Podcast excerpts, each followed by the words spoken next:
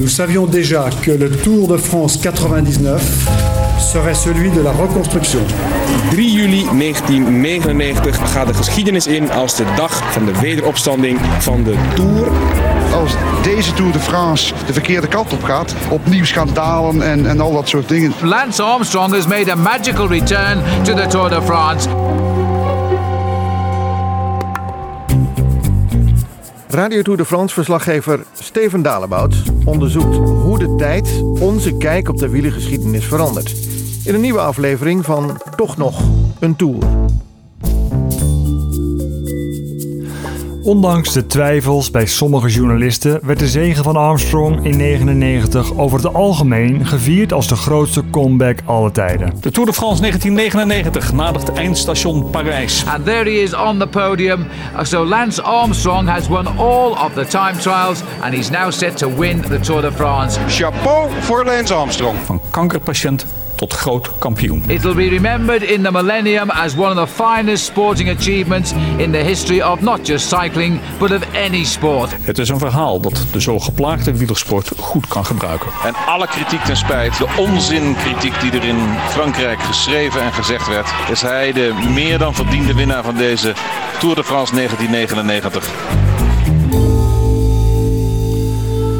De kritiek die er op Armstrong was, bleek uiteindelijk meer dan terecht. Maar dat wil niet zeggen dat hij niet de beste renner was. Dat kan toch? Lance Armstrong is in mijn geheugen bijna altijd foutloos geweest in de Tour. Tuurlijk, hij gebruikte doping, maar dat deden anderen, zoals Michael Bogert, ook. Als ik hoor wat hij heeft gebruikt, ja, buiten groeihormoon en eh, anabolica, denk ik dat het een beetje hetzelfde is als wat ik ook heb gedaan. Eh, ja, dan, dan, dan eh, daarom weet je, dat ze, hij ook vaak genoeg aangedragen. Van oké, ja, ik deed hetzelfde als andere renners. En dat is ook wel gebleken uit het verleden. Dat, eh, dat andere renners op dezelfde producten nat zijn gegaan als waar hij eh, nat op is gegaan.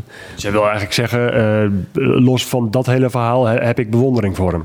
Ja, zeker. Ik, eh, ja, of, of hij zou met een motor moeten gereden hebben. Maar ja, dat, dat kan ook nog. Hè? Ik bedoel, ja, daar is later ook wel eens discussie om geweest met andere renners. En misschien had hij wel die, eh, die, die, die, die voorkennis van, van een motor. Maar ja, eh, soms, wij maakten wel eens grapjes. Hè? We hadden het helemaal niet over motor, motors eh, in, de, in de fiets of motoren in de fiets. Maar we zeiden wel eens aan tafel, God, het lijkt godverdomme wel of die een motor eraan heeft hangen. Weet je, dat was... Dat ging zo makkelijk bij hem. En, eh, maar nogmaals, eh, dat weet ik helemaal niet. Hè. Ik, ik, ik opper dit. Maar als je puur op de producten moet afgaan die hij gebruikte, wat hij heeft toegegeven en wat anderen gebruikten, ja, dan, dan, dan moet het gewoon een. een in, in die drie weken in juli was het gewoon een, een stuk betere renner dan, eh, dan de rest. Zelfs Ulrich, die kon, ja, die kon een beetje met hem. met hem, met hem spelen, zeg maar, maar niet echt tegenstand geven. Tegenstand kreeg Armstrong in die tijd slechts van een paar volhardende journalisten. Een van hen was David Walsh. Op de dag dat Armstrong voor het eerst in het geel Parijs binnenreed, stond in zijn krant Sunday Times een enorm giftig artikel. There are times when it is right to applaud the champion. Het verhaal begon met de zin: Soms is het terecht om te applaudisseren voor de kampioen. There are other times when you'd be, be you'd be better off to keep your arms by your sides. Soms kun je beter je armen langs je lichaam houden. And and this is an occasion to keep your arms by your sides. What we need is not is not acclamation of a new champion. We hoeven niet kennis te maken met een nieuwe kampioen.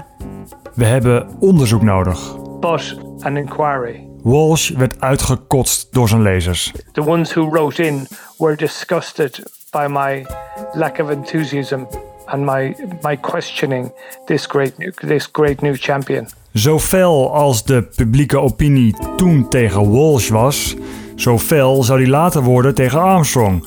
UCI-voorzitter Pat McQuaid zei in 2012 zelfs dat Armstrong het verdient vergeten te worden. Maar is dat echt zo? Of zou dat het stomste zijn wat je kan doen?